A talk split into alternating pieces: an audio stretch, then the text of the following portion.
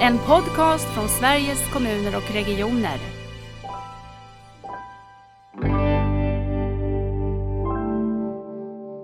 Det är ju det som är största utmaningen för de här familjerna. Att man orkar inte. Hur länge ska man ha så? Man vet ju att barnen kommer ju inte tillfriskna. Och blir man då kvitt den här 30 procenten strultid, då finns det ju kanske 30 procent tid över till annat då. Och då, då tänker jag att då kommer ju arbetssituationen förändras längre fram i, i form av olika nya uppgifter och så.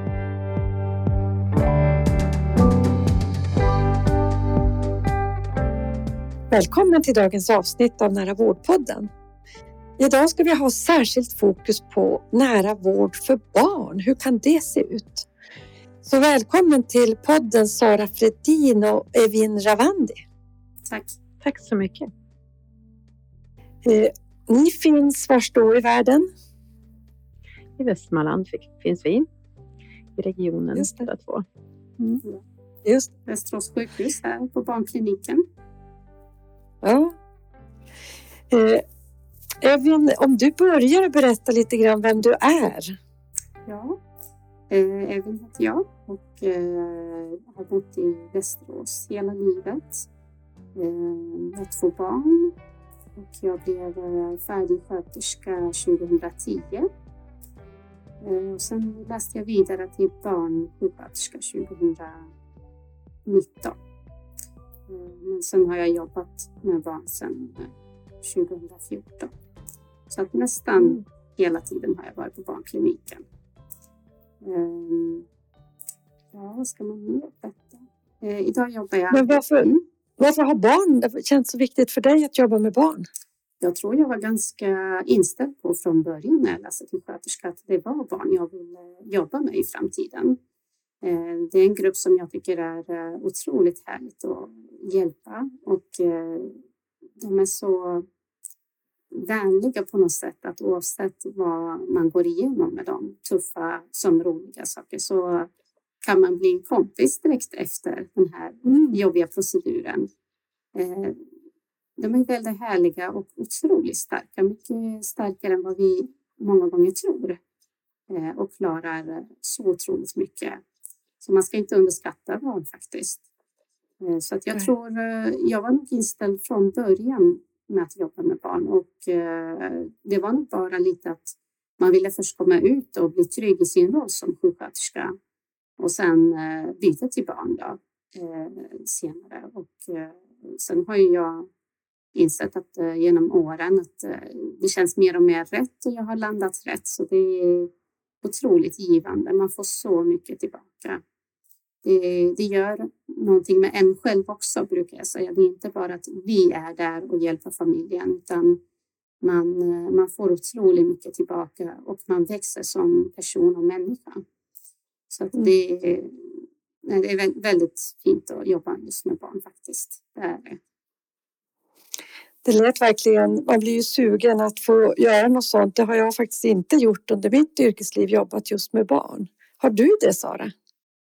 Nej, jag har inte heller jobbat med barn.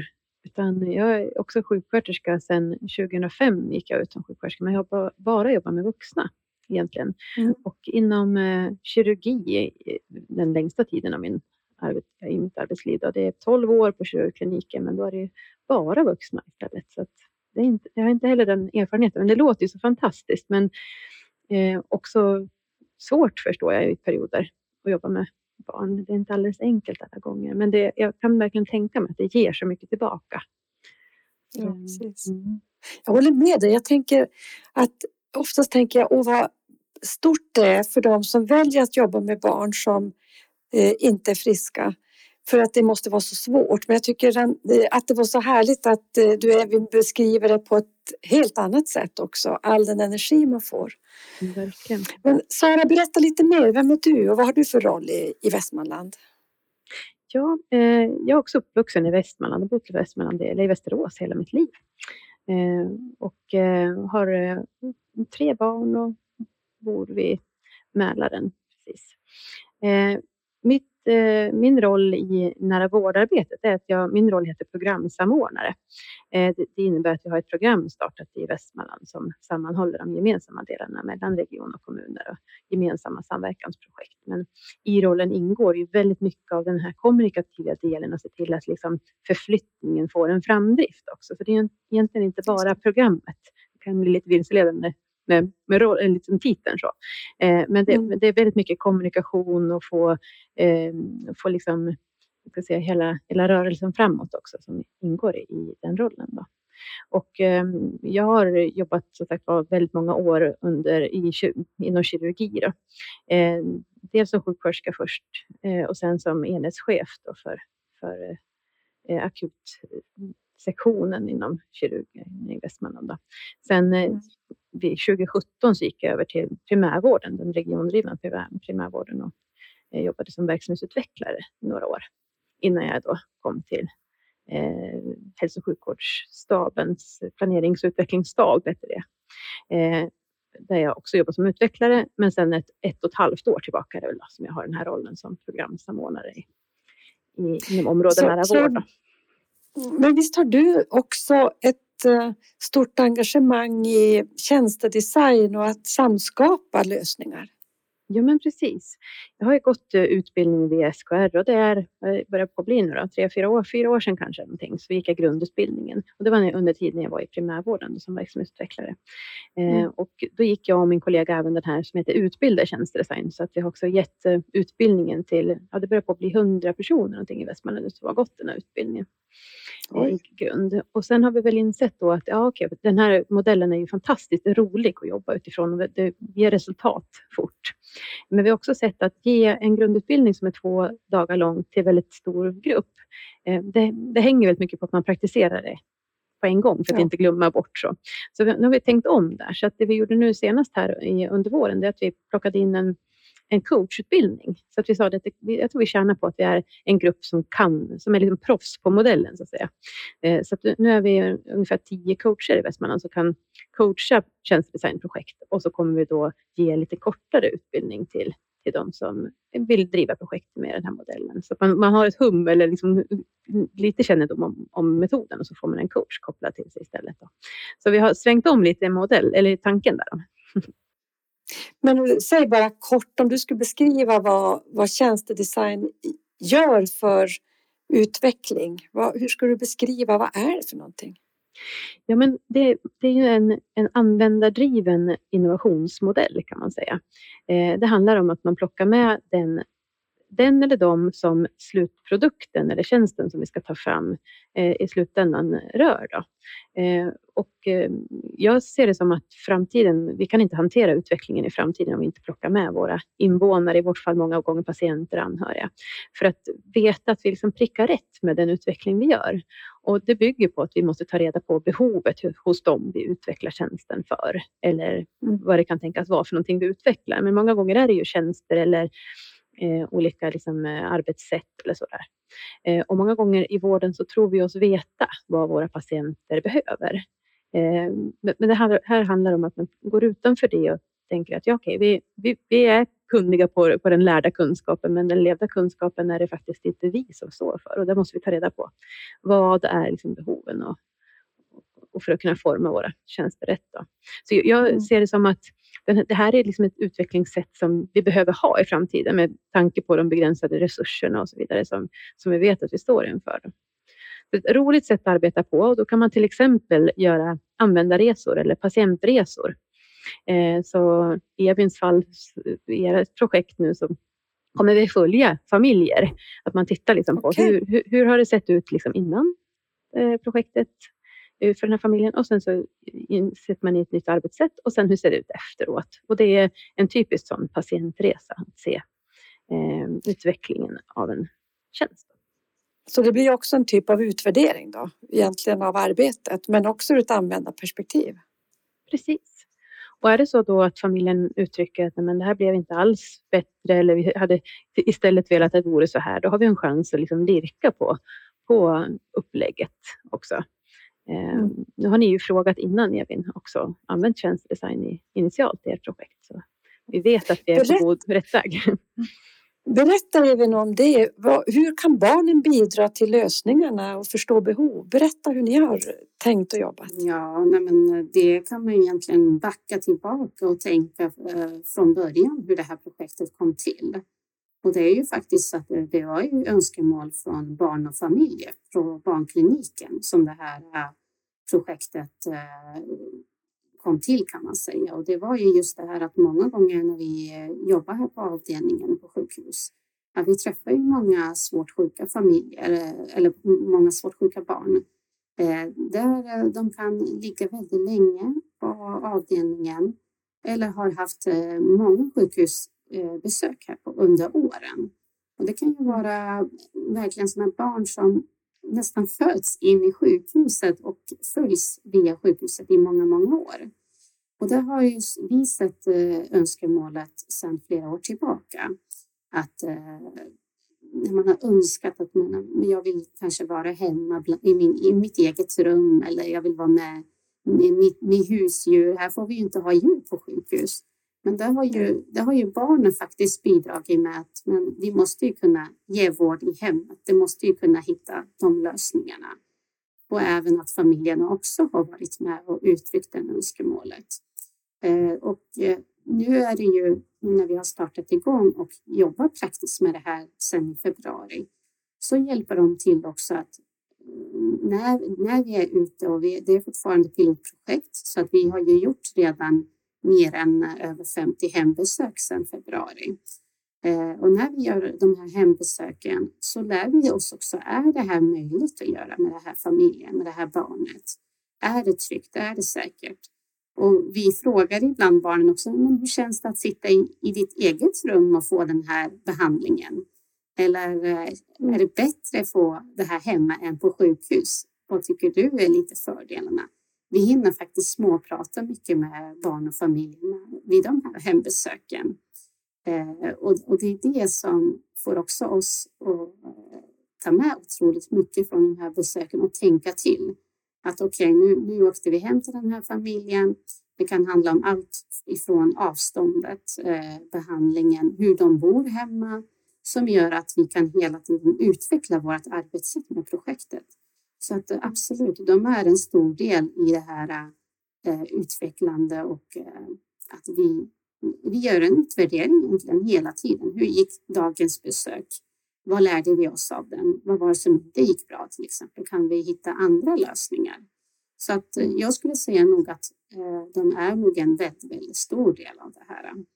Eh, och, och, vi kanske inte uttrycker att det blir inte som en att vi frågar ut dem som en intervju eller sånt, utan vi gör det som en naturlig del i det här arbetet. Att man kanske medan man är där eh, småpratar och får fram mycket från de här samtalen eh, under hembesöken.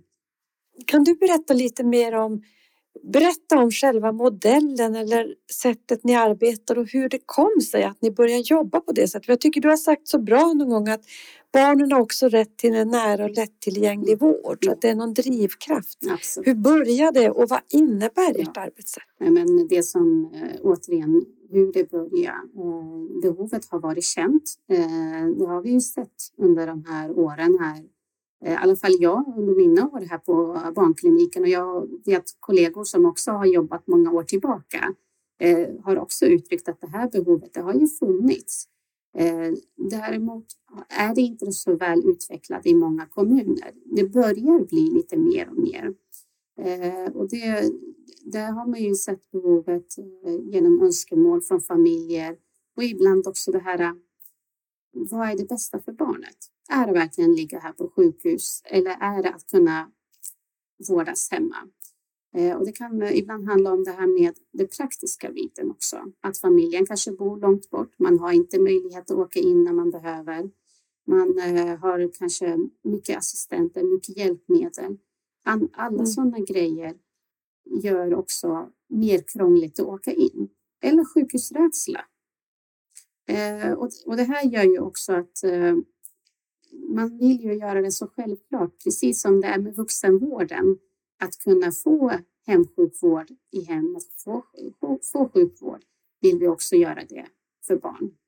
Att eh, behovet finns eh, absolut, kanske inte i lika stor utsträckning som vi ser på, eh, hos de äldre eh, vuxna patienterna.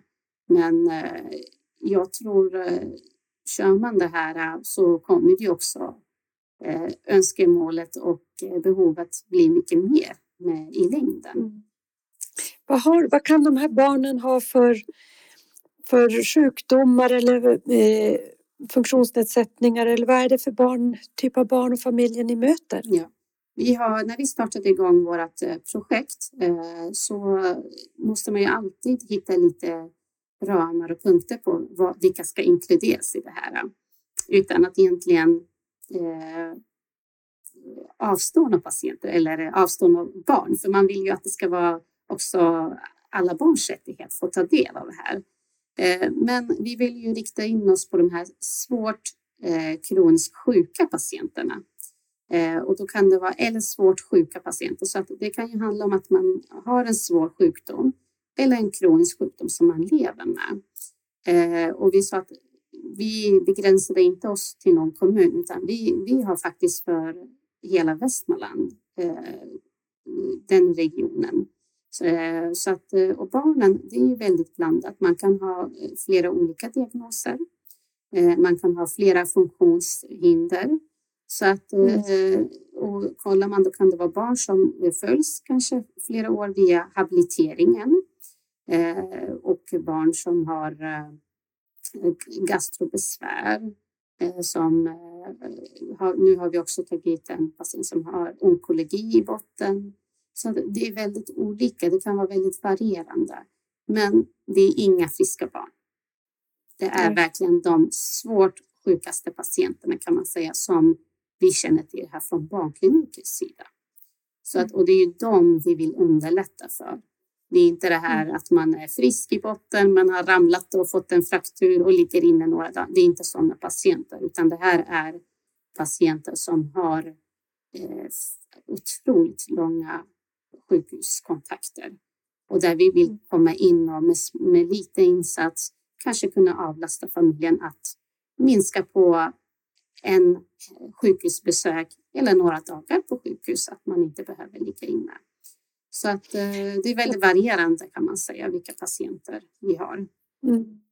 Jag tänkte vi ska gå in på lite grann vilka som vilka ni är som åker ut i hemmet och så. Men jag skulle vilja fråga dig Sara först. Jag vet att ni har jobbat med att eh, också följa utvärdera mobila arbetssätt och det är väl mest föräldrar, tänker jag. Eh, tittar ni också på det här med barn och hur ser du på helheten kring de nya arbetssätten som växer fram? Mm. Men precis, vi har ju förmånen att ha med oss Dag Norén i vårt arbete för, och då är det ju till en början nu de mobila teamen för mm. äldre, mm. eller vi ska säga för vuxna multisjuka som, som de är riktade mot. Eh, och där, de följer idag och där har vi ju lite olika eh, långt har man kommit i våra noder. Vi har delat upp länet i fyra noder och där Sala-noden startade sitt team i, i i oktober förra året, så de har hunnit varit igång ganska länge. Och sen har vi Köpingsnoden som kom igång nu här i, i mars i år. Sen har vi två team som ännu inte har startat utan de kommer starta efter sommaren. Så de är lite i ofas. Men så där har mm. Dag eh, börjat följa Sala och kommer snart börja följa Köping. Eh, eh, när det gäller hemsjukvård för barn, där har vi sagt att vi eh, så här långt att vi kommer följa på individnivå mer och se vårdkonsumtionsmönster och sen just på in, eh, som följer patientens upplevelse. För jag tror många gånger i nära vårdomställningen nu så kommer vi stöta på just det här att innan vi kan se att siffror vänder, vad man ska säga, att vi ser ett mindre tryck på akutsjukvården eller på sådär. Så, så långt innan dess måste vi bestämma oss för att våra verksamheter ska vara kvar och stanna. Och det första vi ser i kvaliteten, både hos de äldre och även hos barn nu, det är liksom den enskilda upplevelsen för den enskilda individen. Och det här måste man våga, tror jag. Det, det handlar väldigt mycket om att våga. För det är klart att i början blir det, kan det ju bli dyrt nu då och liksom driva igång nya verksamheter. Men i en förlängning mm. så kommer vi sannolikt se när vi kommer upp i volymer att det här kommer ha en effekt när man lyssnar på Dags utvärderingar och så där mycket. Så att eh, initialt nu har vi pratat när det gäller barnet. Vi, vi behöver följa och se vad blir det för enskilda förändringar hos de här familjerna? Med tanke på att det liksom i början är ganska liten skala. Men om man då följer tio familjer och ser hur de tio familjernas utveckling av, eller liksom hur upplevelsen har varit och hur utvecklingen av, eh, vad ska jag säga, eller hur deras vårdkonsumtionsmönster har blivit och så. Då är det ju lite lättare att skala upp det där sen och tänka sig att, att eh, effekten i en större skala blir densamma. Så, att säga. Ehm, så så har vi pratat lite grann. Men sen så har vi ju olika rapporter och möjligheter att följa och titta på eh, innerlig, eh, alltså inneliggande dygn och återinläggningar och sånt förstås. Så vi bygger upp rapporter parallellt också så vi ser att det, att det, att det på, på sikt kommer vända. Men det är ju det här initialt tror jag man måste ha is i magen och våga. Ehm, Följa på olika att, sätt. att ni har backning på det? Ni har uppbackning från politiken också att våga ha det här modet att eh, också utvärdera på nya sätt? Ja, men alltså det kräver nog mycket dialog med ännu mera dialog än vad vi har idag med politiken. Nu, mm. nu har vi mycket dialog, så, men jag tror man kontinuerligt behöver ha dialog kring de här frågorna. Att, att allting inte går att mäta i siffror och pengar, utan eh, upplevelsen av och så vidare är ju liksom kärnan på något sätt i närvårdomställningen. Eh, och det är klart att i slutändan får det inte bli dyrare, utan det måste ju också ha en ekonomisk bäring. Men vi vet ju också att den vård vi bedriver idag är väldigt kostnadsdrivande. Att, eh, att, att vi har eh, vad ska jag säga, när den, om jag tar exempel på den svårt multisjuka då som eh, jag brukar säga brukar börja svikta så här en eh, halv fem en fredag eftermiddag och där hemsjukvårdssjuksköterskan inte har en läkarkontakt att nå. Eh, når inte sköterskan då primärvårdsläkaren, då finns det bara ett steg idag och då är det akutmottagningen. Mm. Och halv fem en fredag eh, på akutmottagningen, då leder det oftast till inneliggande vårddygn och så vidare. Så vi har en kostnadsdriven utveckling, liksom vård idag. Så vi har all anledning att tro att det här arbetssättet med mobila lösningar kommer bli liksom mer förmånligt eh, även ekonomiskt sen framöver. Då. Så att jag, jag tror, eh, ja, kontinuerlig dialog. Att, att kvalitet och ekonomi, kvalitet driver, är alltid bra för ekonomin. Så att det gäller verkligen att, som du säger, våga söka efter kvalitetsvinsterna utifrån den enskilde. Ja, men verkligen. Och det är verkligen det vi ser. Det är liksom det, det absolut första vi har sett i de teamen som är igång, både hos eh, hemsjukvård för barn och de team som nu är igång i Sala och Köping. Att det första man kan se, det är ju liksom vinsten för den enskilde. Och den är ju så... Det, det fantastiskt att se det. Och man, mm. att man skulle kunna liksom bredda det för för många fler invånare. Då. Mm. Mm. Men Evin, hur, hur ser det där arbetet rent praktiskt ut? Vilka är det som eh, åker ut till de här barnen och deras föräldrar hemma? Och, eh, hur funkar det hos er? Ja. När vi startade igång så eh, började vi titta också. Vi har ju en hundraprocentig tjänst för sjuksköterska Eh, den, då är det barnsjuksköterska. Det var, det var vårt mål att eh, anställa bara barnsjuksköterska och det är dels för att man ska ha barnperspektivet med sig och har kanske jobbat lite också, eller inte lite utan några år faktiskt inom barnsjukvården. Eh, och sen eh, har vi också en 20 i läkartjänst eh, där har vi också en barnläkare som är med i gruppen. Eh, och när vi började titta på vad den bästa lösningen är för att det här ska ändå vara hållbart under det här pilotprojektet, då fördelade vi den här 100 procenten på tre, fyra sköterskor så att alla fick en liten del av den här tjänsten eh, och vi gemensamt la schema. Så att eh, var det till exempel en, en av våra kollegor, hon kanske fick 50 procent av tjänsten och sen fick några, två andra 30 eller 20 procent beroende på hur vi har fördelat period till period. Eh, och det här har ju faktiskt vi insett att det var nog ett bra arbetssätt vi valde för att eh, inte att det skulle bli så skört att man bara gick ut och fördelade på en sköterska. Och är hon borta eller eh, ja, sjuk en längre tid eh, så faller det ju. Då hinner vi inte mm. testa det här. Eh, och en annan sak också som var otroligt bra, det var ju det här att vi hade inga rutiner. Det här var ju helt nytt arbetssätt. Eh, det gjorde också att vi som grupp eh, fick olika eh, synvinkel i det här arbetssättet och fick tillsammans med de olika kompetenser som mina kollegor har verkligen bygga upp det här så att alla har ju bidragit till att allt ifrån hitta rutiner, allt ifrån skriva dokument, fixa ordning, väska och, Eh, och verkligen bidra till att det här eh, mobila teamet eh, utvecklas till det bättre. Och de här sköterskorna kommer ju från vår dagsjukvård. Eh, det kommer från vår avdelning och från eh, vår barnakutmottagning också. Och det gör ju också att vi vet hur det är att jobba i pressad och stressad situation. Vi vet hur det är att möta de här svårt sjuka patienterna. Så att egentligen för oss var det ju jättenaturligt att möta den här patientgruppen. Det, det som var skillnaden det var att vi var nu i familjens hem och inte på sjukhus. Eh, för där var det ju lite, en av våra riskanalyser var det lite så men gud, ibland kommer ni vara ensamarbete och hur påverkar det er som sköterskor och så där. Men eh, det har, vi, det har ju visat sig att det är inte mer konstigt att vi träffar dem här på sjukhuset. Och vi hinner ju verkligen bolla mycket med varandra och vi diskuterar mycket i våra team. Eh, och våran... Men du åker ut själv ensam? Eller? Ja, man åker ut själv. Mm. Eh, men när vi startade igång i början så hade vi lagt att vi var två sköterskor. Och det var också för att vi måste testa det här och, och hitta våra rutiner och, och, se att det fungerar. Allt ifrån att jag på mitt kontor eh, planerar mitt hembesök, jag packar min eh, hemsjukvårdsväska, jag bokar en bil, jag har med mig eh, jag har en telefon jag kan söka personal på jag har också en bärbar dator jag kan dokumentera. Så att i början så var vi faktiskt oftast två mm. för att skapa den här tryggheten och testa de här rutinerna som vi har teoretiskt skrivit ner och diskuterat.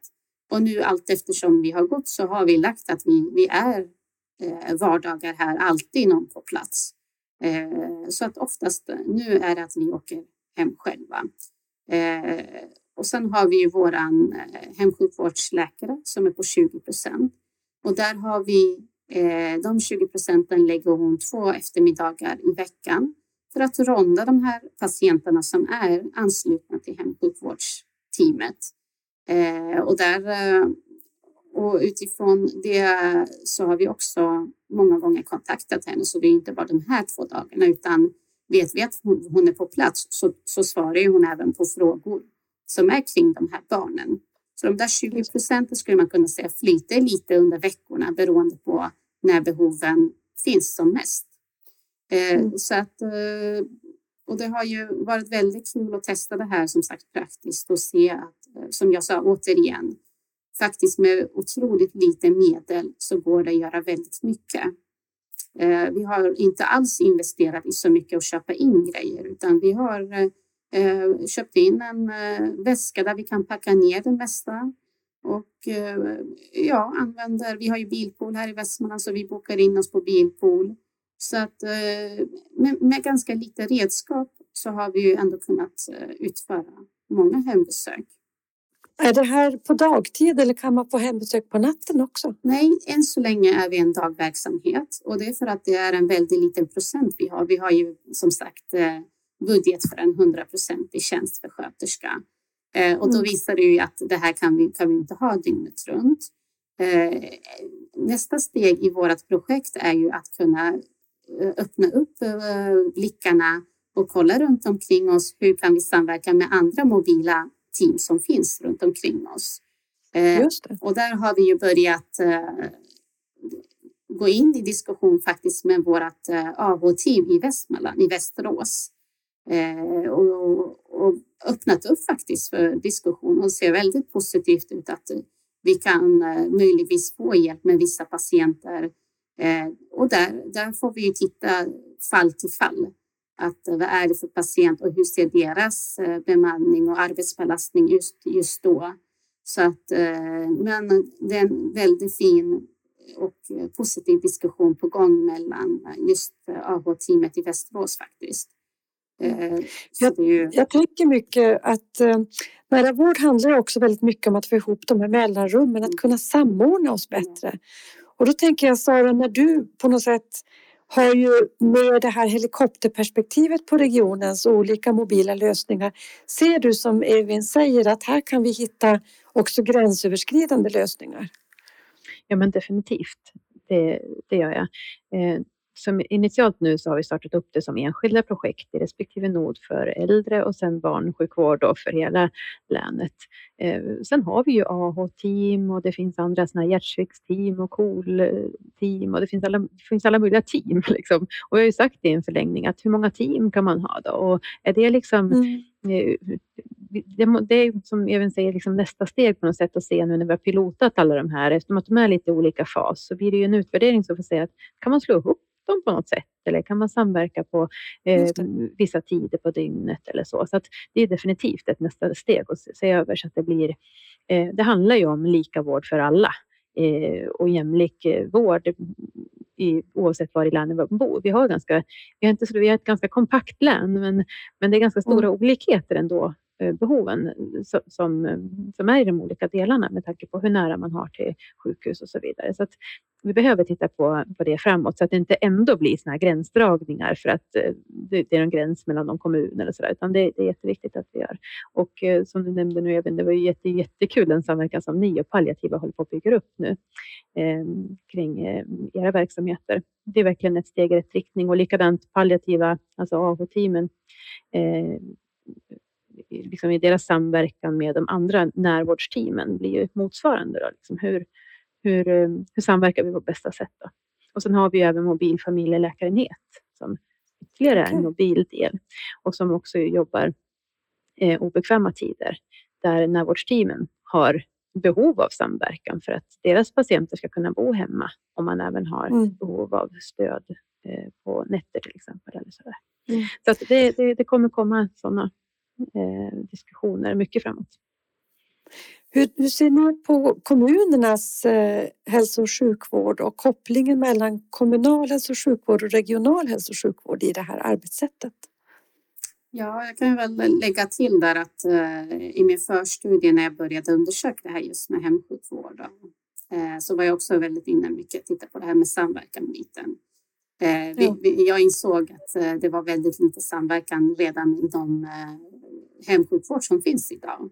Så tyvärr faller det lite när det gäller barngruppen om man säger där. Att, eh, och kollar man eh, lagmässigt om man ska gå tillbaka och titta så faller det ju på regionen att eh, driva avancerad sjukvård för barn. Mm. Och tyvärr blir det lite att den här, då, då backar ju kommunen lite att inte se riktigt sitt ansvar eller lite sin roll i det här. Men, eh, men det är också någonting som eh, vi också kanske kan eh, utarbeta lite när det här faller på sin plats och när vi vet riktigt vad vår roll är som hemsjukvård. Att också in, bjuda in dem lite mer i det här.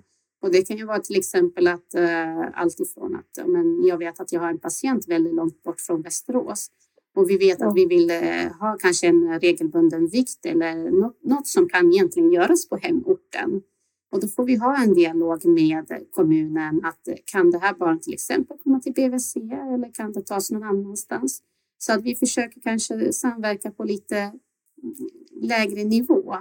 Och, mm. och också att eh, vi kanske kan samverka där vi kan vara som stöd eller informationsgivande till familjer där de eh, barnen går i skolan, där man kanske behöver informera skolsköterskan eller personal eller klassen något speciellt. Så att vi är ganska öppna nog för hur man kan bygga den här samverkan med kommunerna. Men det är mycket motstånd och det är inte jättelätt. Det är en mm. utmaning, men jag tror man kan även eh, komma vidare i den biten också. Jag tror mycket faktiskt handlar om, det kan väl jag lägga till här, att det jag har eh, sett och får en känsla av, mycket handlar om rädsla.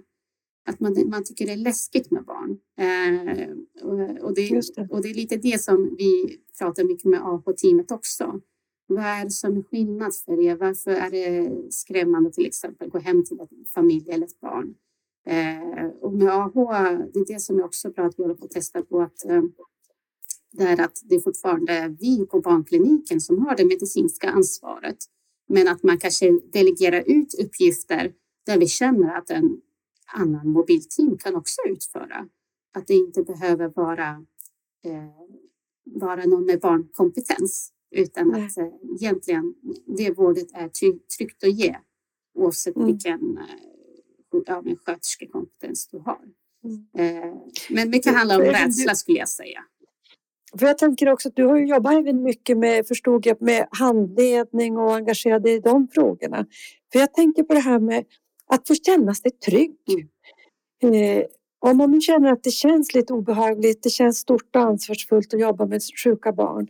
Hur skapar vi den tryggheten då till de som inte har kanske den inriktningen i sin specialisering? Eller? Yeah. Eh, och det är där vi har sagt att vi är villiga komma in och hjälpa till.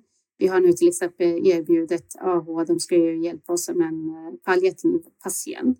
Och då har vi sagt att vi kan ge hembesöken tillsammans. Vi kan träffa mm. familjen tillsammans.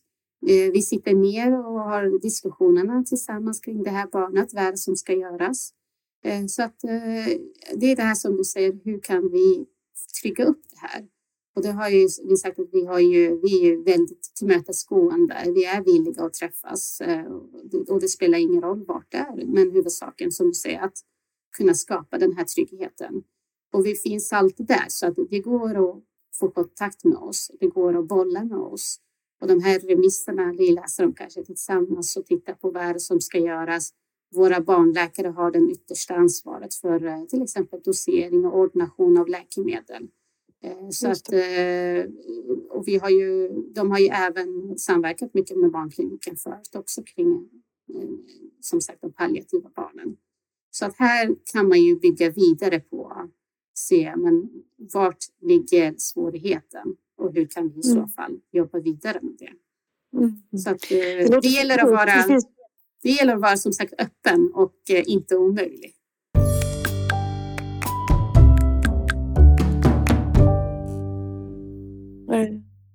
För din Sara, erfarenhet av ert arbete tillsammans med kommunerna eh, i andra delar av, av omställningen? Mm. Ja, men jag, precis, jag tänker samverkan när det gäller eh, vuxna eller äldre. Den, den, är lite enklare upplever jag också. Där har vi kommit längre i Västmanland och det, blir, det faller sig nog naturligt med tanke på att man i kommunerna inte är vana att jobba med barn på det sättet. Men där upplever jag att i de mobila teamen, där har vi ju projektgrupper och styrgrupper och så där, där kommunerna i respektive noder är med och har varit med mm. hela tiden. Sen är det ju, mm. eh, stöter vi på just den här känslan av otrygghet eller farhågor från, från kommunerna, det gör vi. Och det, det handlar mycket om eh, den här hur blir det nu då? Ska det bli så att regionen vältrar över en massa uppgifter på kommunerna och så kommer de drunkna i en massa uppgifter? Och så. Och den eh, farhågan förstår jag att man kan ha då. Liksom mm. att, hur ska det här bli? Eller ska det bli nya uppgifter som vi inte är vana vid att göra och hur blir det då? Som att man känner sig otrygg och inte har stödet och så där. Så allting bygger ju på kompetensutveckling och att man att man tar det här i små steg. Liksom.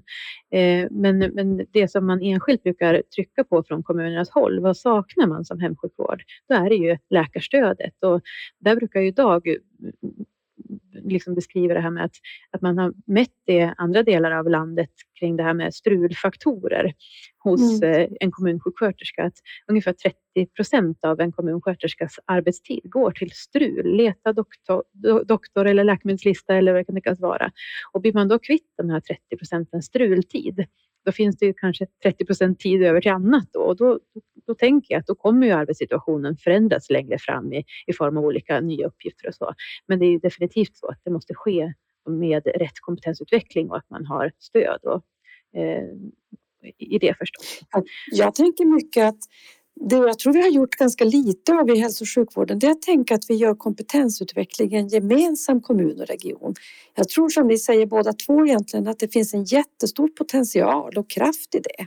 Mm. För vi, har varandra, vi kan ju lära av varandra verkligen. Ja. Och att skapa den här tryggheten att jobba, kanske lite grann där jag inte normalt sett har eh, haft mitt stora fokus. Mm. Eh, för vi kommer inte vara hur många som helst i i vården framåt utan vi måste ju se till att använda vår, våra roller och vår kompetens på allra bästa sätt gemensamt. Mm. Ja, definitivt. Mm.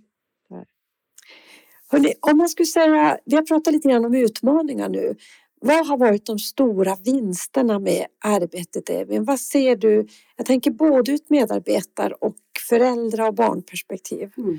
Varför vill ni fortsätta med det här när, när piloten är slut? Ja, men eh, jag brukar säga det. Det är lite tidigt kanske att utvärdera, men eh, det är också kul att vi ser snabba effekter. Eh, och det är glädjen framför allt eh, från barnfamiljerna och föräldrarna. Vi ser om föräldrarna är mycket mer avslappnade. Man ser att de hittar glädjen igen i livet och får vardagen att gå ihop. För det är ju det som är största utmaningen för de här familjerna, att man orkar inte. Hur länge ska man ha så? Man vet ju att barnen kommer ju inte tillfriskna. Det här är ju en kronisk och svår sjukdom. Eh, och, och, då, och, där tror jag vi hittar också glädjen för oss att ja, men vi kan hjälpa er. Det här är inte omöjligt. Nu äntligen, vi finns här. Vi kan utföra det här i hemmet och, och se att de kan hitta gnistan och glädjen i livet. Det har ju varit ett otroligt givande i det här arbetet. Och att vi också faktiskt får testa på en dröm vi har haft. Det, ju, det här har vi ju pratat om. Det som eh, våra äldre eller, de, eller kollegorna pratar om. Att, men gud, att, att, ni är igång. Det här har vi ju ja. pratat i så många år om. Tänk att nu gör ni det. Nu är ni ute hos patienterna. Eh, och det, det ger så mycket tillbaka att få höra de här positiva feedbacken dels från kollegor och dels eh, från familjen också och barnen. Att de tycker det är kul att vi kommer. De vill ju visa upp hur de bor och sitt rum och mm. djur. Man får ibland verkligen göra en eh, liten vandring där hemma innan man ska utföra det man gör. Så det, så det är jättekul att eh, få titta på djuren och klappa och verkligen att barnen lyser upp. Att, eh, och man, man, ja, man ser så mycket för det. Precis som Sara sa, att eh, här blir ju kvaliteten och eh, det är positivt verkligen på individnivå. Eh, mm. Men jag tycker att det, det, är väldigt tydligt att det här gäller verkligen för alla familjer eh, som jag har hunnit besöka och våra kollegor, att det är ingen som har varit negativ inställd eller som har tyckt att men vadå, vad ska ni göra här? Eller det här blev inte som vi hade tänkt, utan som är glada oavsett vad vi kan hjälpa dem med. Ibland kan det ju handla om att det kanske inte är så tydligt vad vår roll är eller vad vi kan göra för familjen. Men då brukar vi säga, men vi kommer på hembesök. Vi, vi vill bara se hur ni har det och kolla hur barnet har det hemma så kanske ni kommer på någonting ni vill ha hjälp med eller någonting vi ser att jaha, gör ni på det här sättet hemma? Det hade vi ingen aning om. Så kanske vi inte har lärt ut. Så att det gäller verkligen att eh, följa de här familjerna och göra hembesök, se hur har ni det utanför sjukhus? För vi är ju så vana att de kommer ju till oss. Eh, och då vet vi inte hur det här momenten vi lär ut eller det information vi ger. Hur fungerar det hemma? Det har vi ingen aning om. Vi lämnar dem verkligen helt till sig själva. Och det som vi också sett att så otroligt mycket föräldrar, vad de tar för ansvar de gör så avancerade medicinska procedurer som hamnar under egenvård. Och det är ju för att det har inte funnits något annat alternativ. Så de gör otroligt mycket och gör det väldigt bra måste jag säga. Trots att de inte har den här medicinska kompetensen. Men de gör det för att de är föräldrar och det finns inga andra alternativ. Och man vill ju vara, kunna vara hemma också. Man kan ju inte vara på sjukhuset hur länge som helst. Så att, eh, ja, en stor vinst till familjerna skulle jag säga, till föräldrarna. Och det är roligt för oss också att kunna få göra det i hemmet känner jag. Mm. Tänker att det, just det här med att leva sitt liv utanför sin sjukdom, det blir mm. så otroligt slående just i det här fallet, liksom med familjer som åker liksom kanske varje dag till och från hem och sjukhus liksom, och kanske inte kan arbeta i den utsträckning de skulle behöva eller vilja. Liksom, att man liksom hela livet tas upp av sjukvårdsbesök. Liksom. Vilken otrolig avlastning det måste kunna bli för många. Mm. Jag satt precis och tänkte på det, Sara, tänkte på det, hälsa i glädje, ta sig an sina livsuppgifter. Att verkligen känna att eh, man också kan leva livet på något sätt och få stödet för det från vården. Mm. Hörrni, vi ska börja avrunda det här spännande samtalet. Dels tänker jag så här, alla som lyssnar, visst får de höra av sig till er om de är sugna på att komma igång med ett sånt här arbetssätt. För jag tycker även som du säger att barn har också rätt till nära och tillgänglig vård. Och eh, nära vård har ju varken någon ålder eller någon sjukdom utan nära vård är ju någonting, ett sätt vi levererar våra tjänster på i hälso och sjukvård. Och det gäller ju, ska ju få gälla alla. Så att jag hoppas att, att vi, jag tror att många kommer att vilja höra av sig till er och höra hur ni gör och få lite tips och så framåt. Absolut. Men vi avslutar med, med eh, också att eh, ni beskriver vad nära är för er. Men någon av er ville säga någonting om Nej, men jag tänkte, nej, men jag tänkte absolut, eh, självklart, hör av er gärna och det hoppas jag att ni gör. Eh, för jag, jag tyckte som sagt det var väldigt svårt när, när man började i början och eh, just hitta kunskap, vilka ska jag kontakta? Eh, och det här, hur, hur ska vi tänka? Eh, och det är, kan vi hjälpa någon annan kommun eller någon annan region så absolut, det, hör av er så försöker vi hjälpa till så gott vi kan. Men Sara, vad är nära för dig?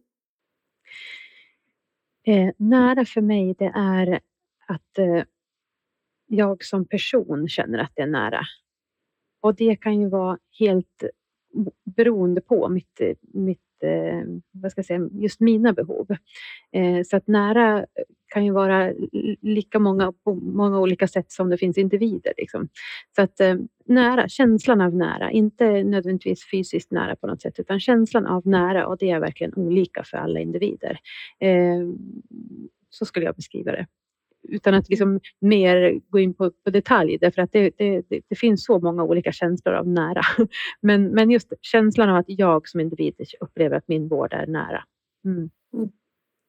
Evin, vad säger du? Ja, jag, jag håller med det Sara säger, men jag skulle också vilja säga lättillgänglig och trygghet. Ehm, vi har ju märkt många känslor, och gud vad skönt, nu har jag ett nummer jag kan ringa till er. Eh, och vi kan svara utan att stå i telefonkö eller boka telefontider. Det är det som många föräldrar eh, inte orkar med just nu. Så att, eh, nära vård, absolut, vi ska vara lättillgängliga och vi ska vara skapa tryggheten. Precis som Sara säger, kanske inte alltid fysiskt, men att man vet att man har ett nummer att ringa. Man har personer man vet känner oss som familj. De har varit hemma hos oss. Eh, vi vet vilka de här är och då vill vi också kunna skapa den här tryggheten och närheten till familjen Mm. oavsett var man bor egentligen.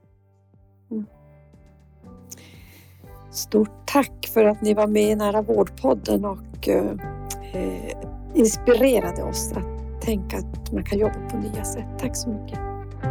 Tack så jättemycket för att vi fick vara med.